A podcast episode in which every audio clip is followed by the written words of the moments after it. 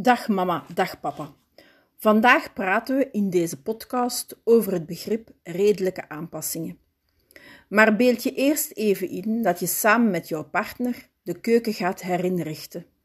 Jouw partner is echter een halve meter groter dan jezelf. Vragen die je dan kan stellen zijn: hoe hoog wordt ons werkblad?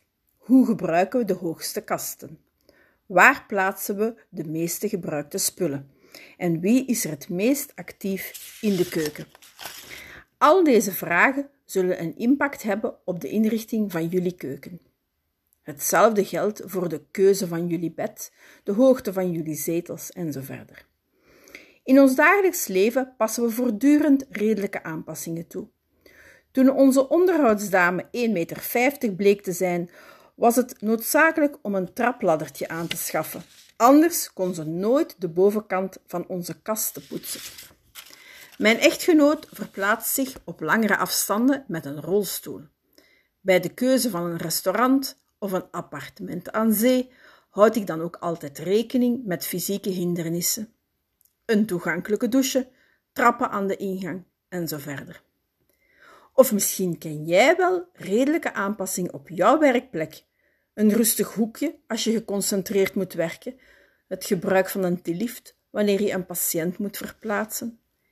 In het dagdagelijks leven zorgen redelijke aanpassingen er dus voor dat ons leven gemakkelijker of haalbaar wordt en dat hindernissen kleiner worden.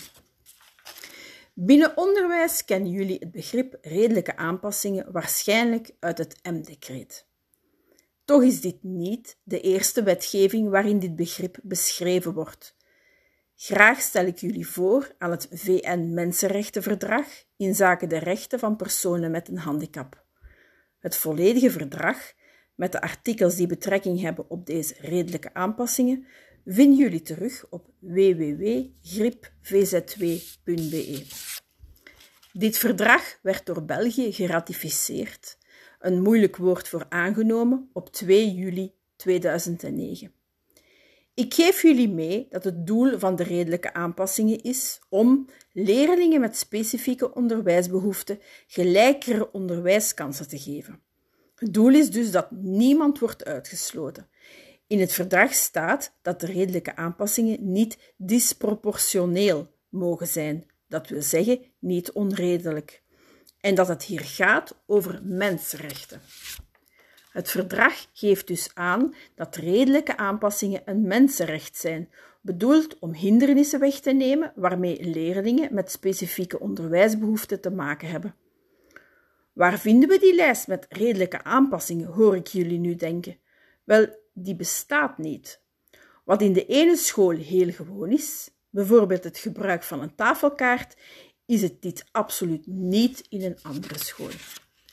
Een school met heel veel trappen kan een grotere aanpassing vragen wanneer een leerling in een rolstoel wil inschrijven. Ook al zijn trappen voor de ene school een hindernis en voor de andere school een positieve uitdaging. Wanneer een aanpassing bekeken wordt op zijn redelijkheid, kan de school met de volgende factoren rekening houden: de kostprijs. De installatie van een lift voor één leerling kan een grote impact hebben op het schoolbudget. De impact die de aanpassing heeft op de school en de klasorganisatie.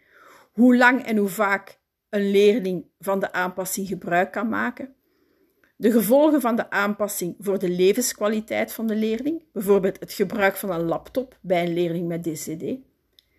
Het weigeren van redelijke aanpassingen echter is een discriminatie en scholen moeten hier dan ook wel degelijk rekening mee houden.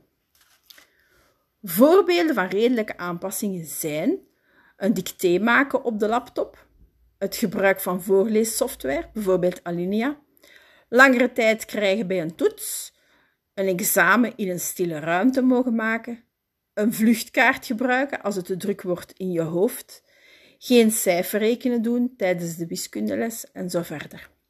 We komen hier in een volgende podcast nog op terug. Artevelde Hogeschool ontwikkelde de brochure Klaar voor redelijke aanpassingen, een leidraad. Je vindt deze terug op onze website www.project-i3.be onder de R van redelijke aanpassingen. Ik wens jullie nog een hele fijne dag.